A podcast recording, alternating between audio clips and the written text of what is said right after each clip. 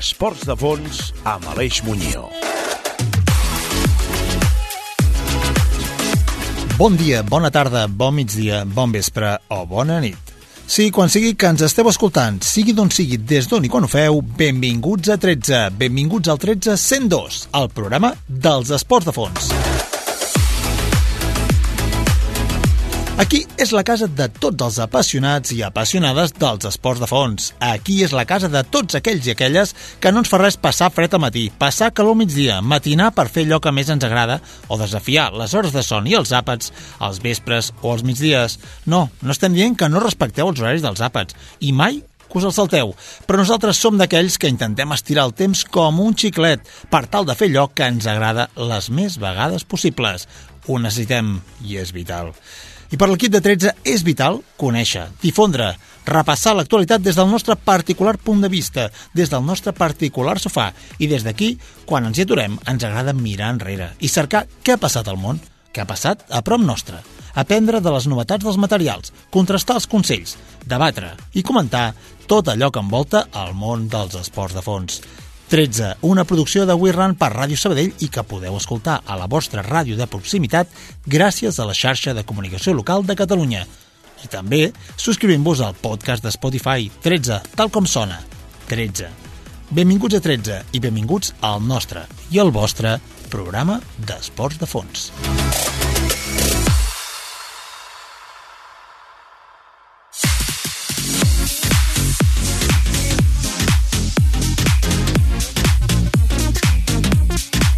I què tindrem avui a 13? Boc and Roll. Repassarem aquella actualitat i el que estat notícia per al nostre equip d'esports de fons addictes. L'actualitat del triatló, del dualó, de l'atletisme, del trail running, de l'esquimo, del ciclisme en ruta i del mountain bike. I avui també amb les següents seccions. Tral 13 farà un any. Què va passar al món i als esports el 2002? Omnibus, descobrirem el protagonista d'avui, algú que va entendre que les normes no estaven fetes per ell, l'especialista del control de les trampetes, l'especialista al servei dels que volien fer ganyifetes, Michel Ferrari, el metge de metges del passat més obscur del ciclisme. El personatge, Joan Pastor, tècnic i president d'un club d'agility, l'esport del rendiment i habilitat dels cànids. We Could Be Heroes, històries i reptes extraordinaris de persones comuns, avui a Miromo i Nada. Tercer temps, entrenadors, preparadors i bons influencers per s'hi trobar bons guies per posar-nos més forts i més fortes. Entrenament, psicologia, competició, recuperació, nutrició... Tots els professionals dels esports de fons tenen cita a 13. Esports de fons. Mountain bike, trail, atletisme, clàssiques de ciclisme, trialó, dualó... L'actualitat de 13 és l'actualitat al boc and roll. Atletisme. Bones, Aleix i oients de 13, us porto el millor de l'atletisme d'aquesta darrera setmana. Aquest diumenge es va celebrar el Marató de 20, que comptava amb la participació ni més ni menys que de Eliud Kipchoge, la primera persona en córrer per sota de les dues hores en marató, campió olímpic a Rio i actual posseïdor del rècord mundial de marató amb 2 hores 1 minut 39 segons. Tot i que el canià venia d'una dura derrota 6 mesos enrere a la Marató de Londres, on un problema a l'orella el va fer caure a la vuitena posició, en aquesta ocasió no va tenir rival i es va retrobar amb la victòria a poc més de 3 mesos de la Marató de Tòquio, en què buscarà revalidar el seu títol olímpic. El kenià es va imposar a la NN Mission Marathon que es va disputar a l'aeroport de Twente i no ho va fer amb una marca de les que acostuma el plusmarquista mundial, que en aquest cas va ser de 2 hores 4 minuts 30 segons, però li va servir al gran dominador de la distància en aquests últims anys per trobar les bones sensacions necessàries abans d'enfrontar-se al seu nou repte olímpic. Va ser, va ser una cursa sense gaire història en el tediós circuit de l'aeroport de Twente de poc més de 5 quilòmetres, on aviat el grup de capdavant es va quedar amb 3 de les llibres, Kip Kemboy, Kip Keter i Kacheran, i també amb Kipchoge i Jonathan Korir, com a únics atletes que podien assolir la victòria. Amb un ritme sostingut, ja al quilòmetre 8, el grup es va reduir a 4 protagonistes, amb dues llibres en cap, Noah i Kacheran, i amb Kipchoge i Korir. A l'eritreu Kifle es va despenjar al costat de la Van Corir i Agustín Chogue, Després de passar el quilòmetre 10 amb 29 minuts 15 segons i el 25 amb 1 hora 13.00, la cursa va arribar al quilòmetre 30 sense novetats. En aquest moment, l'única llebre en competició, Katcheran, va deixar de fer la seva tasca de, de lideratge, moment en el qual Kipchoge es va col·locar al capdavant per liderar la prova amb Corir. Aquest últim, però, no va poder amb el ritme del plusmarquista mundial, que va marxar en solitari amb Katcheran. Elliot, però, va voler trencar la carrera definitivament i es va llançar per la victòria. Ningú va poder sostenir el seu ritme i els últims quilòmetres van ser de nou monòleg de Kipchoge, en un duel amb si mateix, acabant, com hem dit, en 2 hores, 4 minuts, 30 segons. A la cursa femenina, sense Dybala a la sortida, que finalment no va poder córrer per problemes amb, amb el visat, la victòria va ser per l'alemana Katarina Steinruck, amb un temps de 2 hores, 25 minuts, 59 segons. El podi el van completar la mexicana Sara Moreira amb 2 hores 26.42 i l'alemana Schoneborn amb 2 hores 27.03. Cal destacar el gran paper de l'espanyola Laura Méndez, que debutava en la distància. Va acabar amb una novena plaça amb 2 hores 29 minuts i 28 segons, aconseguint mínima olímpica per 2 segons. És la segona millor debutant espanyola des de sempre. Irene Pelayo, per la seva banda, es va quedar a prop d'aquest registre amb 2 hores 30 07. Avui també us porto un petit resum del cross del Bufeira a Portugal. El burundès Thierry Endecumenayo i l'etíop Likiana Ameubau van vèncer en la 44a edició del cross celebrat aquest diumenge que clausura la campanya internacional de Camp a Través. Els espanyols Fernando Carro, Azucena Díaz i Clara Vinyares van acabar en cinquè, segon i tercer lloc de les seves respectives categories. Ende Comanayo, novè en els Mundials de Cross d'Arus 2019, va realitzar els 8 quilòmetres i escaig del recorregut en un temps de 25 minuts 21 segons, seguit per l'ugandès José Kiplangat, que va arribar 8 segons després, i de, de l'irlandès Sean Tobin a 17 segons. El plusmarquista espanyol de 3.000 metres obstacles Fernando Carro un dels altres favorits va acabar cinquè, a 1 minut i 4 segons del guanyador. En la prova femenina, d'una mica més de 6 quilòmetres, es va imposar l'etíop Lakina Amebau, amb un clavantatge des de la meitat de la prova, creuant la línia de meta amb un temps de 22 minuts 42 segons, seguida a 9 segons de la madrilenya Azucena Díaz. En tercer lloc va arribar una altra espanyola, Clara Vinyares, a 20 segons. Ciclisme en ruta i ciclocross amb Adam Goldthorpe.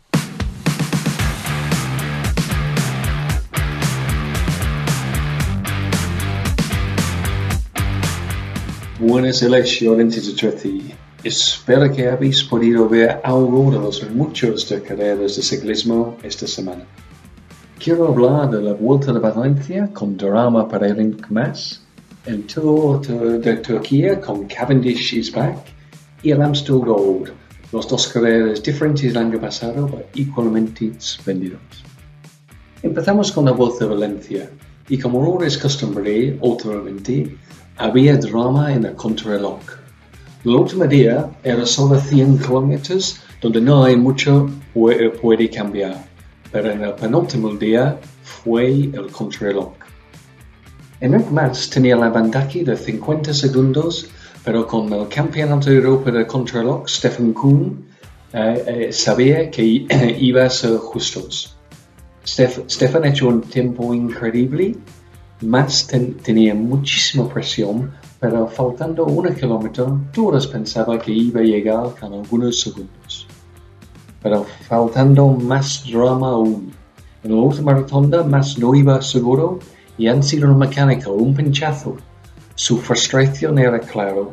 Hemos visto él dando golpes a su coche y tirando su casco. No era la mejor imagen, pero completamente comprensible. Y ahora Holanda, el Amstel Gold. Es la única clásica en Holanda y han sido ganados por Jumbo Visma. Tanto Mariano Vos con las chicas, las chicas y Wout van uh, con los chicos. En el, caso de los chicos, tuvimos que esperar 10 minutos para asegurar que Valvana ha ganado pico. He visto las fotos. No era muy claro que Valvana ha ganado, pero ¿qué, qué nivel? Después de 200 kilómetros, necesitamos una foto para saber quién ganó. Y ahora Turquía. La es tener carreras con etapas de montañas y contrarrelojes con pocas oportunidades para los sprinters. El Tour de Turquía ha sido una excepción. La mayoría de las etapas para los sprinters y hemos visto un batalla entre Mark Cavendish, Andrei Greipel y Jesper Philipsen. Cab is back. Mark Cavendish han ganado cuatro etapas, la más de la mitad, y ahora hay speculation si va a ir al Tour. Con 30 etapas ganados en el Tour, es el segundo más premiado después de Eddie Merckx. ¿Vamos a ver Cav, Cavendish en el Tour este año? No lo sé. Tenemos que esperar. Hasta, hasta la próxima.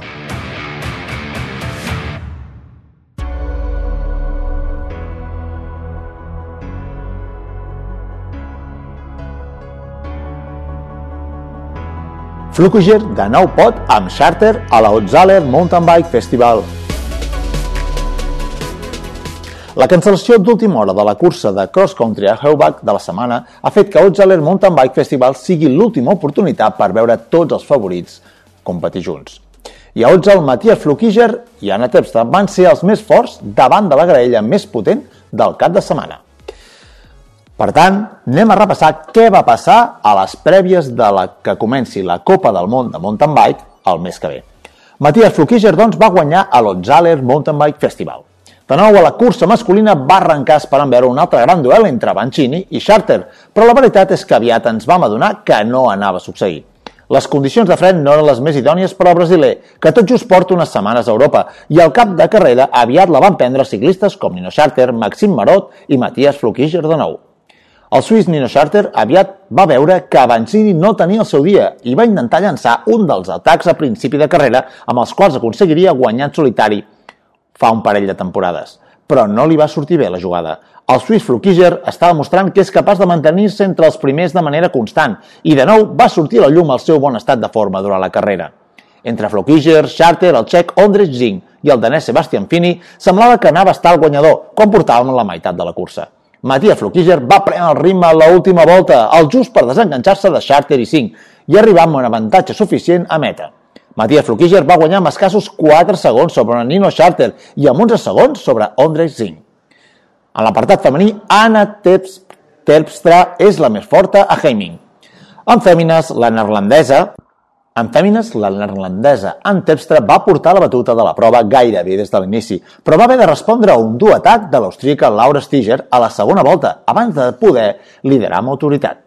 A meta, Anna Tepstra es va endur la victòria amb més de mig minut d'avantatge sobre la seva compatriota Anne Tauber i més d'un minut sobre l'austríaca Laura Stiger, que va tancar el podi. La també austríaca Mona Mitter-Wallner va quedar quarta i la francesa Lena Gerol va ser cinquena. Anem al Maresme, anem a Santa Susana, Supercup Massi Internacional de Santa Susana. La Supercup Massi arribava aquest cap de setmana a la prova de Santa Susana, una cursa de gran nivell que pocs dies de l'inici de la Copa del Món ens hi vam trobar molts dels favorits que havien aprofitat per continuar la seva posada a punt. L'equip Massi va ser el gran triomfador del cap de setmana, amb les victòries de Loana Lecomte i Tomàs Griot. Loana Lecomte i Tomàs Griot es van fer amb la Supercup Massi de Santa Susana. La prova femenina es va celebrar dissabte i de nou la francesa Loana Lecomte va donar un recital posant-se al cap de cursa des de l'inici fins al final. Sense cap mena de dubte, Lecomte està sent la ciclista més forta al començament de temporada. La ciclista de l'equip Massi no va donar senyals de debilitat en cap moment i va arribar a meta amb 1 hora 10.28. A més de dos minuts arribava la segona classificada, també de Massi, Juliet Brasset, i la campiona d'Estònia, Janica Loib, del Hawaii Express, completava el podi. En l'apartat masculí, la presència dels millors ciclistes nacionals amb David Valero al capdavant feia presagiar que havia de ser una cursa de molt nivell. Des dels primers metres el ritme va ser trepidant i Valero va voler liderar el grup des de la sortida, però el campió holandès Milan Bader del KMC Orbea va ser capaç d'obrir un petit forat i només Dubó, de Messi, de Massi, va poder seguir la seva roda. Per darrere, Griot, Valero, Koretsky i Mantecón perseguien el cap de cursa. A meitat de cursa, el guió va canviar per complet quan Griot va atrapar a Bader i va realitzar un atac fulminant que el va deixar sol a la primera posició. Valero, en segona posició, va intentar arribar fins a ell per disputar-li el triomf, però el francès va mantenir el marge fins a meta. Tomàs Griot es va fer amb la victòria. Valero, del BH Temple Cafès, i Joshua Dubó, del Massi, van completar el podi. mentre que els ciclistes del KMC Orbea, Bader i Koretsky van tancar el top 5. 13. Esports de fons.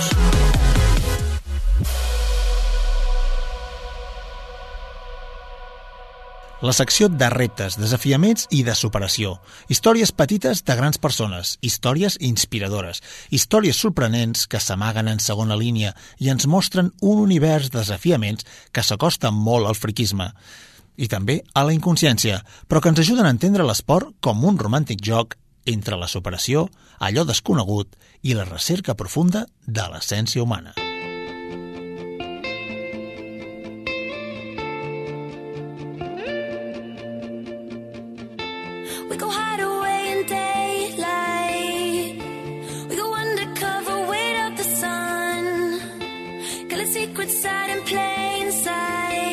Avui, a We Could Be Heroes 1653. Què és Ironman? Què és el triatló? La relació de triatló i Ironman, d'Ironman i Kona, és simbiòtica i és pel motiu que tot va començar a Kona, a Hawaii. L'esport que actualment és olímpic des dels Jocs de Sydney 2000 va començar allà amb el que actualment és la franquícia de la distància Ironman i una de les empreses d'esdeveniments esportius més grans del món. Però com va començar l'Ironman i per què? Doncs, com dèiem, Trialó i Ironman neixen i van lligats, ja que va ser el marine Joan Collins, sí, un marine, un marine americà, al 1978, destinat a Hawaii, que prob probablement no era conscient del que desencadenaria el seu repte.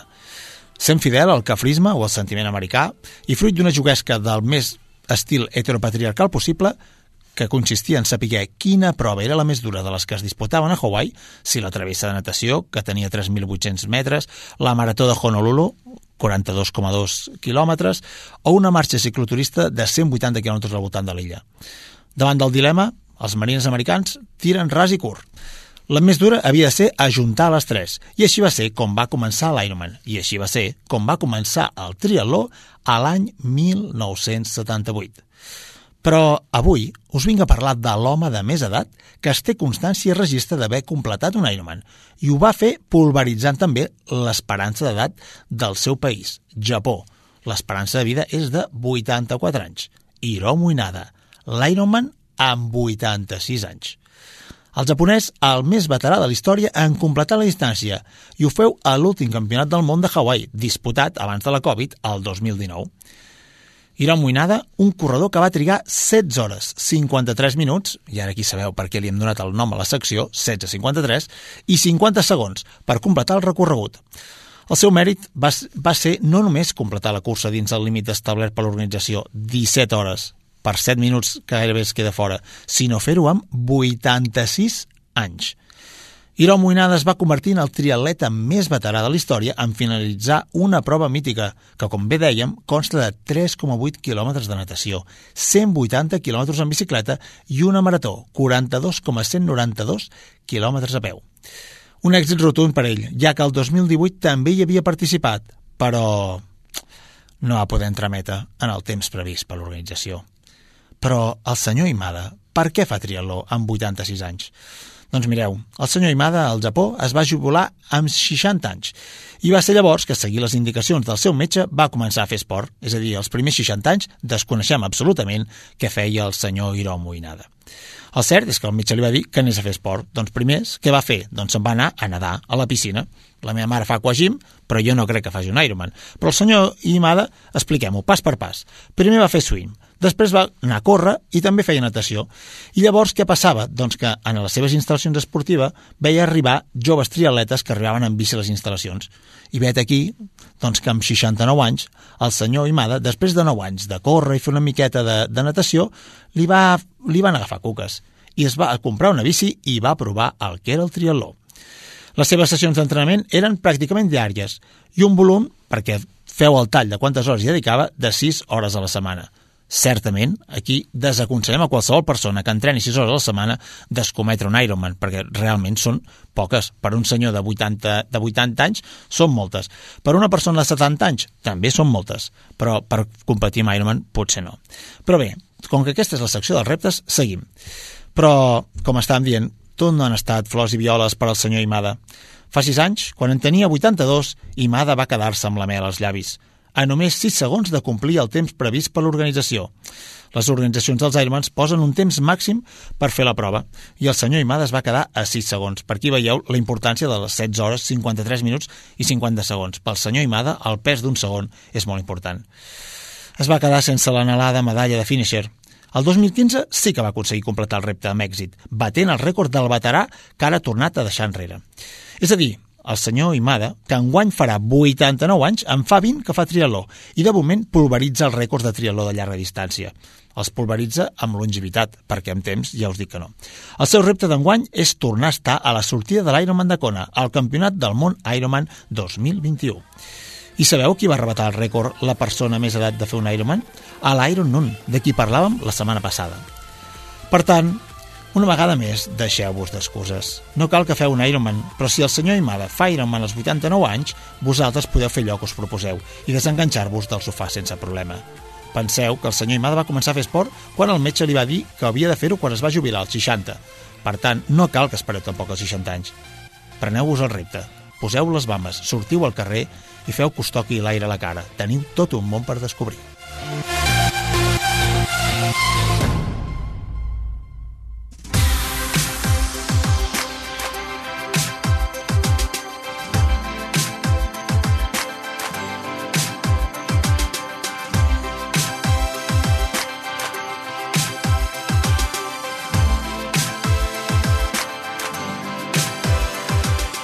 Doncs avui estem aquí, a 13, amb el Sergi de la Torre per parlar-vos de la segona part del que dèiem dels influencers i dels referents que trobem a les xarxes. L'última vegada que vàrem parlar vàrem posar damunt la taula el paper de les xarxes i dels influencers com a referents esportius.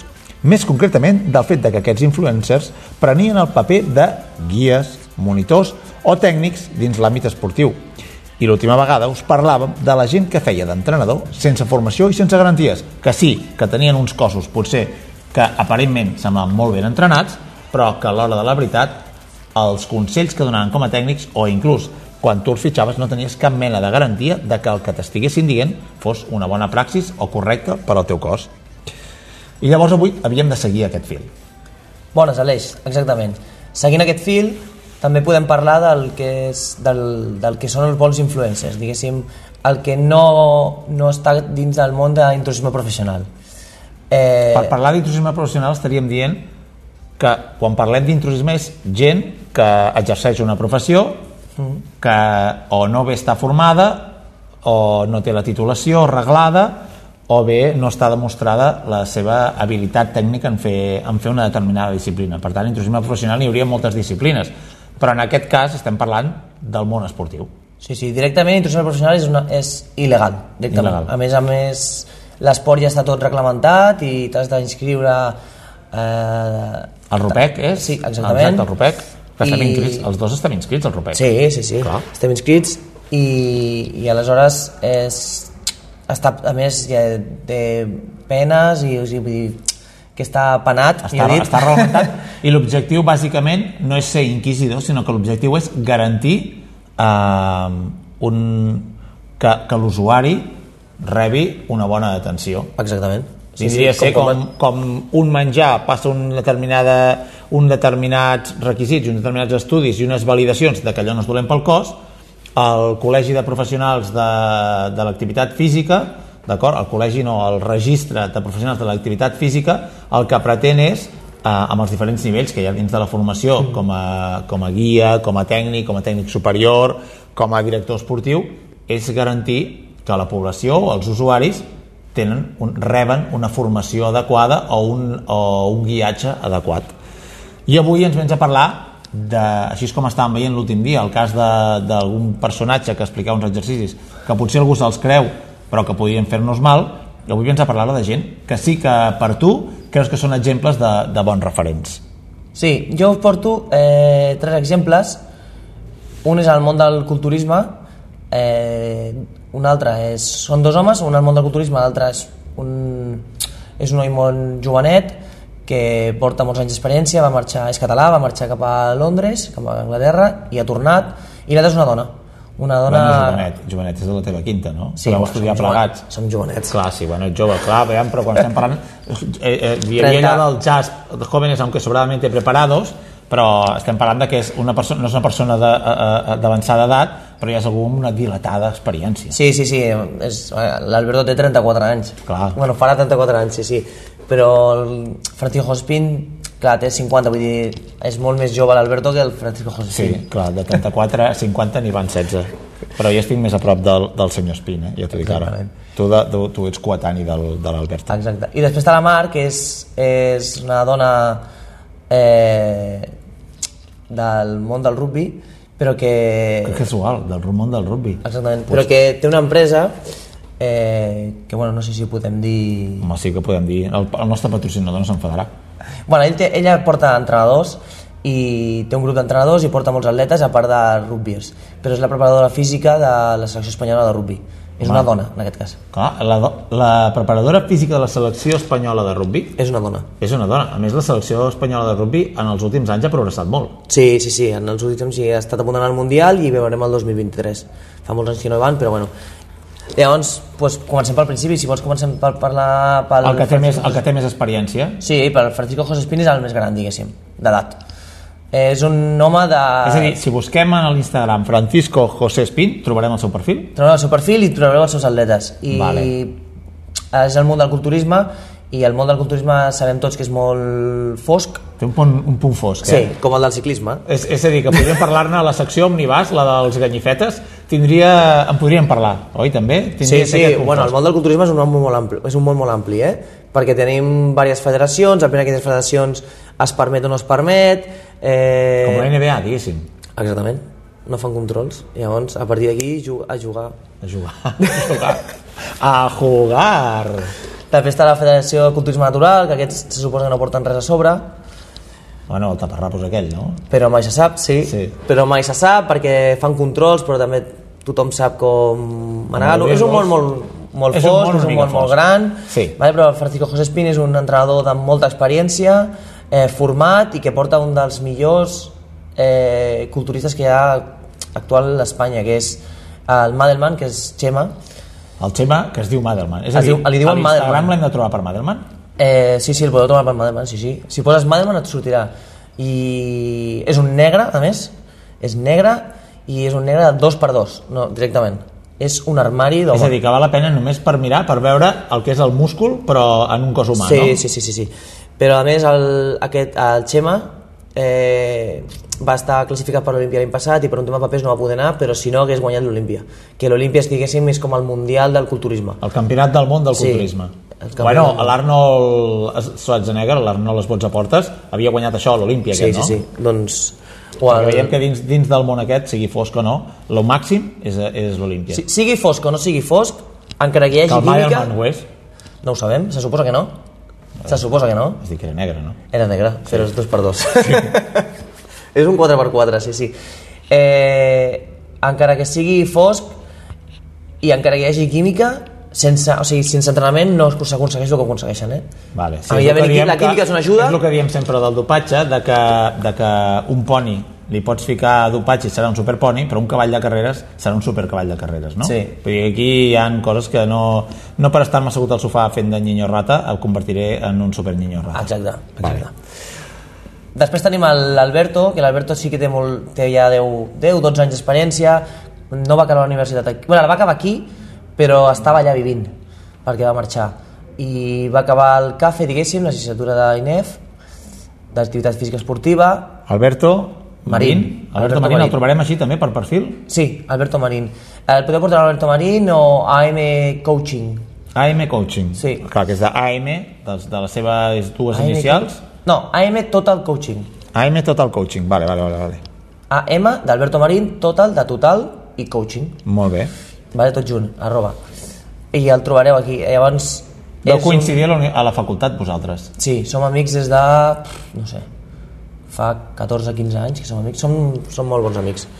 I és un... ara està a Barcelona i sí, és diplomat en INEF, diplomat en teràpia nutricional i postgraduat en nutrició personalitzada allà a la Universitat de Middlesex Sex, Sex University I té un paella del sex, oh, sex a mitges. Exacte.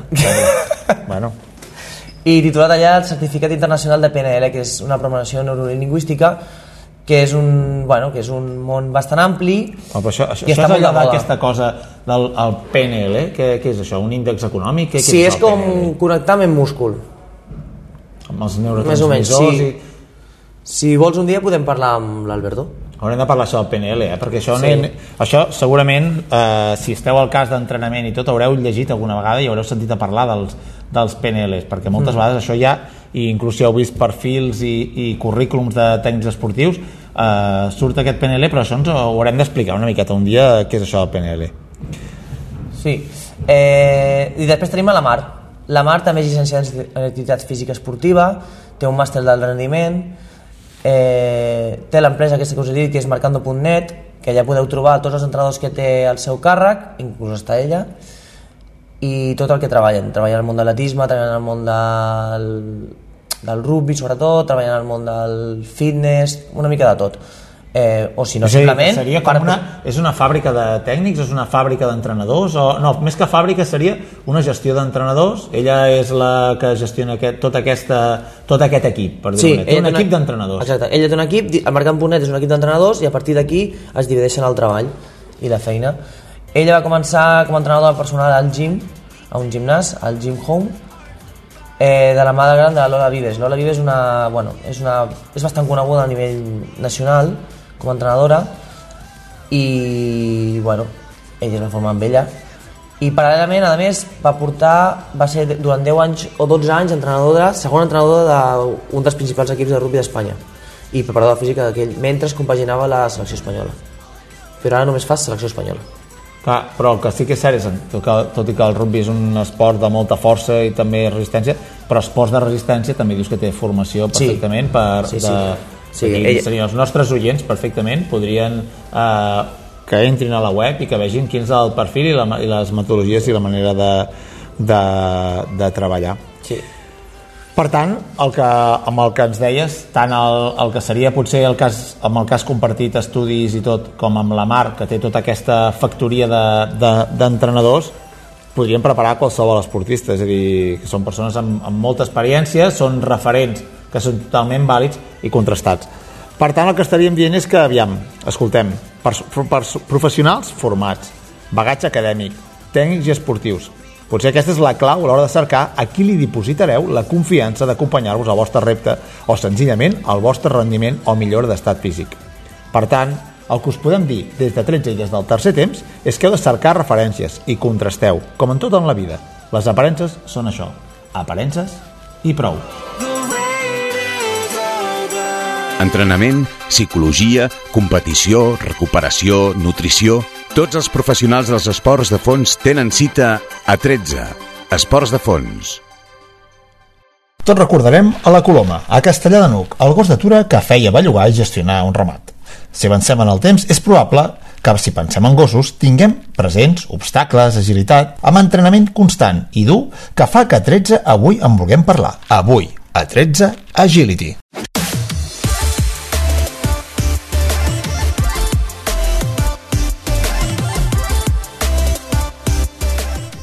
Volem conèixer aquest esport, l'agility, que comparteix entrenament, constància i esforç. I per fer-ho, avui ens hem assegut a 13 amb en Joan Pastor, recentment president del Club d'Agility Les Fonts.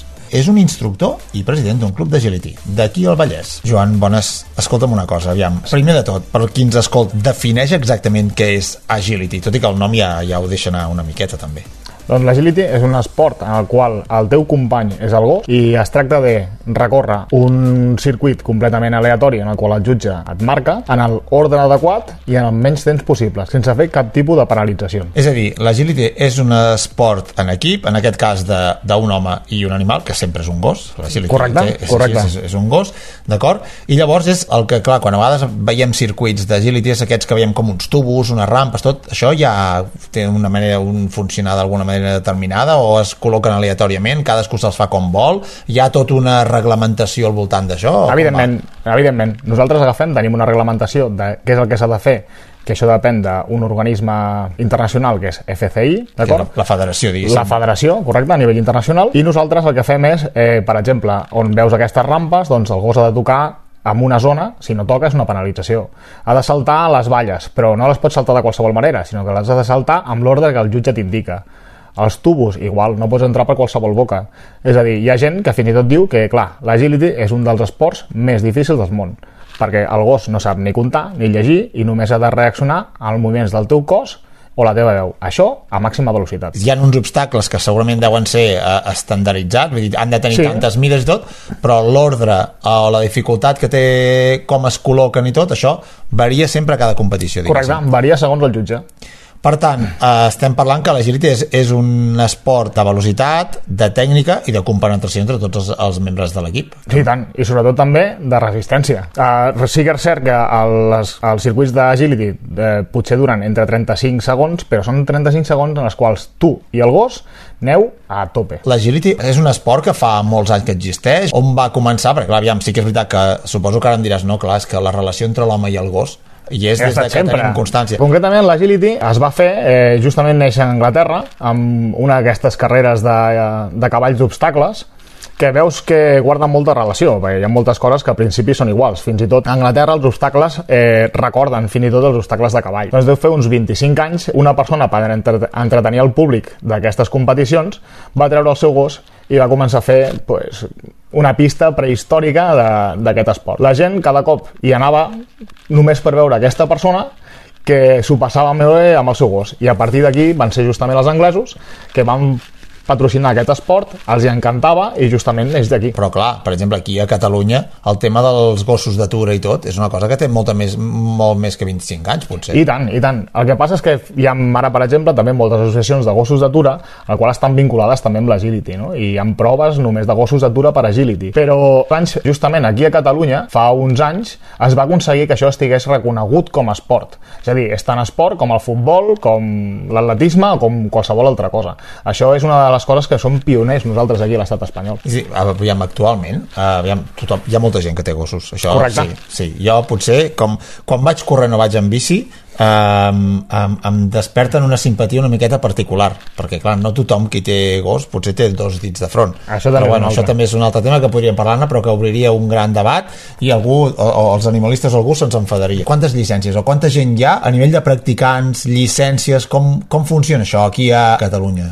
Doncs deu estar entorn de les mil i algú llicències, amb la gent que s'ha donat de baixa i de més, però segurament practicants, per exemple, et poso un exemple, amb una prova normal, eh, que és de cap de setmana de la Lliga Catalana, poden participar perfectament 200 gossos, 250 gossos. És a dir, això cada cap de setmana és, és bastant. En aquí, evidentment, és, és un esport amateur, suposo, aquest tipus d'esport.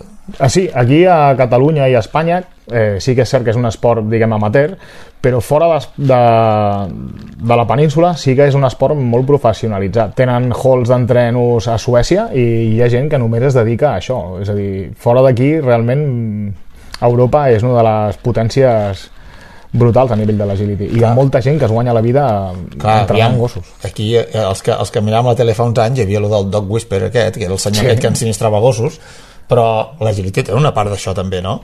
Sí, sí, sí, sí, és justament. Eh, és a dir, nosaltres el que fem és, a part de nosaltres tenir una formació eh, tant tècnica com una resistència física, nosaltres també hi ha una part que és bastant difícil, que és d'ensinistrar els gossos eh, a fer els obstacles i de la manera que tu vols. Clar, tu imagina't, el gos corre 6 metres per segon. Li has de dir a un bitxo d'aquests, que són unes bales, com ha de fer un obstacle, evidentment tu no arribes amb ell a, a marcar-li com li ha de fer l'obstacle. Per tant, el gos eh, d'alguna manera ho ha de fer. No? El procés d'aprenentatge del gos també forma una part important o molt important en, la, en el nostre dia a dia. Evidentment, eh, totes aquestes coses que es veien per la tele, nosaltres no les fem. Nosaltres el que volem és la motivació del gos, que el gos estigui content, que el gos s'ho passi bé i que i utilitzem uns reforços positius brutal, ja sigui menjar, sigui joc, tot això de la tele realment era un show, saps? I nosaltres no, no ho fem aquestes coses, perquè és com si a un nen que vas a jugar a futbol o un nano que fa atletisme, no? doncs el, el maltractes o el pressiones, al cap i a la fi es trencarà, no? Clar, aviam, tots els gossos serveixen per fer agility? Sí, tots els gossos serveixen per fer agility. La pregunta que t'has de fer és a on vols arribar en aquest món. Eh, per exemple, hi, ha, hi ha races de gossos que són més pros per l'agility, perquè clar, córrer pot córrer tothom, tothom pot anar en bici, però evidentment hi haurà uns biotips però normalment en tot cas seria en el cas de l'ésser humà en determinats esports, evidentment hi ha biotips que seran millors per fer un determinat esport però als gossos hi ha algun tipus de gos que sigui més particularment hàbil per adquirir els coneixements o entrenar-se? Sí, sí, anem a, explicar-ho més general, no? En l'agility, tu quan competeixes, competeixes segons la teva alçada del gos. D'acord? Actualment hi ha cinc alçades, des dels petitons fins als més grans. D'acord? Eh, evidentment que tots ho poden fer, siguin grans, siguin joves, siguin... mentre no estiguin lesionats, pobrets, Ah. Però sí que és cert que hi ha uns gossos que se eh, denominen gossos de treball, que poden ser els gossos pastor, el de la coloma, com tu mateix has dit abans, els border collies. Són border collies, no? Sí, sí. pastor belgues malinois o groenendals, que són gossos justament de treball. Aquests gossos els hi encanta jugar, passar-s'ho bé. Però l'única cosa que has de fer amb un gos que tens a casa o el gos típic de companyia és simplement l'has de saber motivar per poder jugar i passar-t'ho bé amb l'agility. D'acord? Clar, si tu em dius, no, jo és que tinc un, un gran danès, que és un gos que medeix més el que gran jo. danès és un dir-ho Correcte, bé. és l'Scooby-Doo. Vale. Home, Vale. jo, jo si tingués un gran danès seria un, com un cavall. un però- cavall, no? Sí, per mi sí. Doncs imagina que tens un gran danès i em dius, no, és que vull anar al Mundial. Clar, potser és difícil perquè aquest gos s'ha de jupir per passar pels túnels. Ah. Clar, tu has de veure eh, què és el que tens i què és el, on vols arribar. Però sí, eh, fins i tot és tots els gossos serveixen per l'agility mentre s'ho passin bé, que és depèn de com els eduqui. Un gos, com funciona la vida esportiva d'un gos d'agility? Doncs molt bé, nosaltres els comencem a entrenar des de que són cadells, evidentment sempre respectant que no hi hagi una, uns salts ni unes percussions al principi, simplement és en te fas un entreno d'obediència. Comencen a competir a l'any i mig, val? Aquest és a l'edat més jove que els, els gossos poden competir. Però això ho de multiplicar per 7 o per 12? Però això també són mites, això també Ah, són mites. Vale, vale, vale, vale. Però bueno, és una aproximació de que tu et facis una idea de... Per, per saber el grau de maduresa, suposo. Correcte, Vale. sí, però són, són realment mites, no? Doncs això, comencen a competir a l'any i mig. En principi l'any i mig, que jo no competeixo l'any i mig, jo competeixo cap allà als dos anys, que penso que el gos està prou madur, és quan tu pots començar a competir. Llavors, la carrera esportiva és depèn del que tu vulguis, no?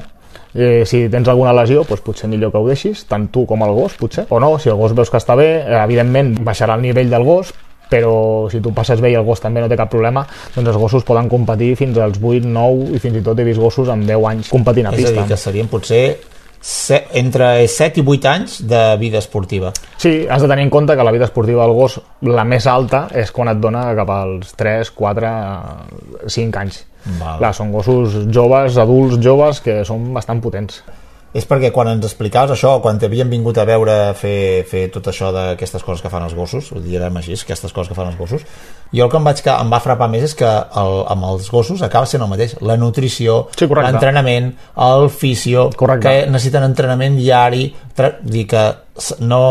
Quan a vegades tenim el concepte de gos o d'un animal, és, doncs, mira, el vas a sortir a passejar i ja està, però en aquest cas, en aquesta disciplina, el concepte de l'esport d'elit i d'alt rendiment es trasllada tu, absolutament als gossos. Clar, els gossos i justament a tu, és el que et comentava, no? És depèn d'on vulguis arribar. Nosaltres sí que ens estem preparant intentant anar cap a un Open europeu o un Open de Noruega o fins i tot quedar, intentar quedar d'anar al Mundial.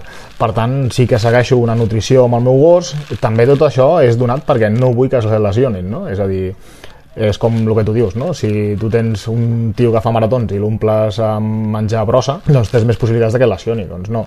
El meu pinso ha de ser sense cereal ni gluten, etc. no? Amb uns nutrients i amb una quantitat correcta. Eh, per l'entrenament ja farem un altre tipus de, de nutrició. Sí que és cert que els meus gossos, per exemple, van al fisio per mantenir-se. Eh, sí que fem piscina per fer treball físic. És tot un món. Igual que la, la persona també es prepara. qualsevol gos amb un entrenament així sistematitzat tot pot ser un bon gos o realment també és com amb, a nivell esportiu amb, amb els humans que és una persona per molt que faci hores i hores d'entrenament i es cuidi hi ha una part de genètica i una cosa innata o un gos ben entrenat pot arribar molt lluny Eh, aquesta pregunta és, molt xula perquè realment jo sempre he dit que si tu a un gos li dires la pilota i corre, segur que a pista et correrà. Això t'ho demostra una campiona del món brutal que és eh, Sílvia Trickman. Aquesta tia ha portat al campionat del món tots els gossos que ha tingut de races diferents. Fins i tot va portar un samoyedo, que són aquests gossos de la neu, Sí, sí, tots, sí. que saps? Que no Són- corren. són com un peluche blanc, Sí, correcte. Pues fins i tot un samoyedo. És a dir, el que passa que aquesta tia, el que parlàvem abans, sí que és una professional d'això. Sí que és una professional d'això. El que et podria fer un campió vindria més determinat per l'entrenador que per la pròpia bèstia en si, potser? Potser sí, cas? potser sí, fins i tot també és cert que has de tenir una part genètica eh, important, però la part genètica no és determinant en això. El savoir-faire és, el, és Correcte. quasi el, el 80-90%. Correcte. Tinc companys eh, que els tios han trobat els seus gossos, que no sabien ni la raça que eren, amb un container i els han fet campió de Catalunya. Ostres, carai. Doncs mira, sort que se'l van trobar. I tant, i tant. I sort per la vida del gos. Clar. Escolta'm, i una altra cosa que ara aquí ja sí que volíem fer relacionat ja amb el corre i tot això. Mhm. El canicross també bé, és una branca com d'agility? L'agility és una cosa paral·lela a canicross? O com... Canicross és allò que corres amb un arnès lligat a un gos. Correcte. Però I no això, és, no hi ha hagut simple. moltes curses de peu que també tenien com uh, la variant de canicross i tot això. Com està aquest tema actualment? El canicross que cada cop és un esport que s'està ficant més a l'alça, no? És a dir, és com nosaltres eh, fem un circuit, doncs els de canicross eh, fan el circuit a la muntanya molt més llarg, no? El canicross, per exemple, eh, està molt xulo eh, en competicions que es fan, per exemple, als Pirineus, córrer amb el gos i de més, però no és tan senzill com ho expliques. És a dir, en, aquest, en aquesta part de l'esport de gos també té una part d'entrenament molt important perquè, per exemple, hi ha una norma que és que tu no pots córrer per davant del gos. El gos sempre ha de- d'ativar de tu, perquè si no el gos també tu l'estàs forçant o no aniria bé, no? I clar, el gos aquí, per exemple, ha de saber molt eh, quan ha d'ativar, tu li has d'explicar al gos quan ha de recular per tu agafar força, si ve una pujada potser el gos t'ajuda i t'ha d'ativar, o si ve una curva tancada li has de dir al gos, li has de cantar al gos perquè situï en la posició correcta, és a dir, el canicross, encara que només sigui eh, córrer amb el gos amb un arnès, també és una cosa apassionant, no? És a dir, hi ha una part també d'entrenament d'animal molt, molt, molt important. No, no, jo això ho he provat i, de, i amb, un company, amb el Jordi, amb el Jordi Van que tenia de, ha tingut diversos gossos i diversos, diversos border collies i n'hi havia algun que era més espavilat que l'altre i l'altre ja sabia tallar les curves per dits i tot i quan tibava el gos a davant bueno, és que et feia córrer molt ràpid eh? Sí, sí, sí, sí, sí, sí no ho aguantes, no ho aguantes. No, no, vull dir que és, és, és bèstia. Quina cosa més hauríem de saber de l'agility o que quina cosa més ens volies explicar ara que ets un... La única cosa que m'agradaria dir de l'agility és que realment és un esport que és inclusiu. És a dir, nosaltres eh, competim tant homes contra dones, nois contra noies, gossos contra gosses, és a dir, l'important no és ni el sexe del participant ni el sexe del gos, simplement l'important és el binomi. També cal dir que, per exemple, ara hi ha una espècie de paragility, no? per gent fins i tot amb algun tipus d'escapacitat. Jo he vist competir gent amb cadira de rodes, tio amb cadira de rodes ficar-se al mig de la pista i dir-li al gos cap on t'ha d'anar i el gos fer la pista zero. És a dir, sense cap penalització. És brutal. I això també, ells també competeixen contra nosaltres. És a dir, l'agility, a part de que et pugui agradar o no, estic un- segur que és dels esports més inclusius que, que hi ha. sigui quina no sigui la condició, Correcte. el gènere, tant en el binomi serien a l'apartat del que seria l'animal com a l'apartat de la persona, que és com si fos el, com se'n diu, guia? O Sí, com, guia, sí, guia. el guia. Però ni, ni l'edat, ni l'edat. És a dir, un nano de 7 anys pot competir contra mi, que en tinc 42. Escolta'm, Joan, moltes gràcies. El que a mi realment em frapa més és tota el, aquesta part tècnica i tot que té associada a aquest esport i a part que crec que és una feina de dia rere dia rere dia i on la constància i la perseverança són potser la clau potser de, de, de poder assolir mm. èxits doncs el que també et desitgem és que amb aquesta nova etapa com a president ara puguis tenir molts èxits Esperem. Vulgueu anar al Campionat del Món o en un Open europeu o un Open de, de Noruega o Suècia gràcies per, per estar avui aquí a Molt bé. 13. Moltes gràcies a vosaltres i esteu convidats a passar-vos per al Club d'Agility de les Fonts de Terrassa. a veure-ho en, en situ i en directe In situ, sí? i tant, esteu tots convidats. Perfecte, Vinga, doncs, moltes moltes gràcies. gràcies. A tu. Tal dia farà un any. L'1 de gener d'aquell 2002 van començar a posar-se en circulació les monedes i bitllets d'euro en 11 dels 15 països de la Unió Europea que ratificaren el Tractat de Schengen. Dos mesos després, aquell mes de març, les monedes i bitllets de passeta van deixar de circular i, per tant, l'euro es va convertir en l'única moneda de curs legal. Altres successos d'aquell 2002, a Catalunya, es va crear la Comissió de la Dignitat amb l'objectiu principal d'aconseguir el retorn dels seus legítims propietaris de la documentació confiscada pel règim franquista. Més endavant, al mes de, de juny, a Barcelona es va publicar la Gramàtica del català contemporani, dirigida per Joan Sala. I aquell 11 de setembre, Diada Nacional de Catalunya, a Barcelona, Lluís Maria Xirinacs, en un acte reivindicatiu al Fusar de les Moreres, va fer un polèmic discurs pel qual, el 25 d'octubre del 2005, va ser detingut. I a la resta del món, a Suïssa en aquest cas, els votants van acceptar el referèndum d'entrada d'aquell país a l'ONU. I per acabar, el conegut illot de Perejil va ser ocupat per un escamot de l'exèrcit espanyol durant tres dies. I en el món dels esports d'aquell 2002, el Tour de França es va celebrar del 6 al 28 de juliol i tot i que en primera posició es va classificar el corredor Lance Armstrong, més endavant, el 2012, es va anunciar que quedaria desqualificat de tots els seus resultats obtinguts des del 1998. Per tant, es considera que el guanyador d'aquell Tour de França seria el que va quedar en segona posició, és a dir, Josefa Veloski. Pel que fa al Giro, el va guanyar l'italià Paolo Savolzelli, i la Vuelta a l'espanyol Aitor González. Seguidament, pel que fa al Campionat del Món de Ciclisme en Ruta, que per cert es va celebrar del 8 al 13 d'octubre a Bèlgica, va quedar en primera posició l'italià Mario Cipollini. Pel que fa al Campionat del Món de Triatló, que per cert es va celebrar a Itàlia, a la classificació masculina va quedar en primera posició Marc Ruge i en la classificació femenina va quedar en primera posició Marianne Flasfeld. Finalment, en el ciclocross d'aquell 2002, en la classificació masculina va quedar en primera posició Mario De Klen i en la classificació femenina, en primera posició, va quedar Thais Fergata. I 100 hores després acomiadem el 13 d'avui.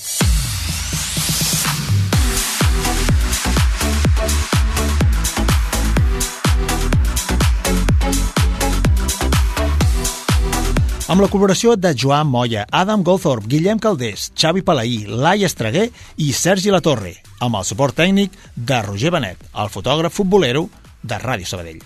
I ara a 13 quan vulgueu i on vulgueu. Ja som a Spotify. Teniu a la vostra disposició el podcast de 13 setmanalment. 13, tal com sona, en lletres. Podreu linkar-vos directament des del nostre perfil d'Instagram, arroba 13 espai esports de fons de debò. Gràcies per formar part de la família de 13 i d'aquests 102 programes. Una producció de WeRun per a Ràdio Sabadell i que podeu escoltar també a la vostra ràdio de proximitat gràcies a la xarxa de comunicació local de Catalunya. Per fer-vos aquesta descoberta a l'entorn teniu la llista de Spotify 13 BCO, banda sonora oficial, on hem anat afegint totes les cançons del nostre imaginari. I avui, quina és la que afegirem? Doncs avui, per acomiadar el programa 102, us deixem amb una de les cançons que van tornar-ho a patar, que es va reeditar als números 1 del gran Elvis Presley al 2002. Little Less Conversation, d'Elvis Presley.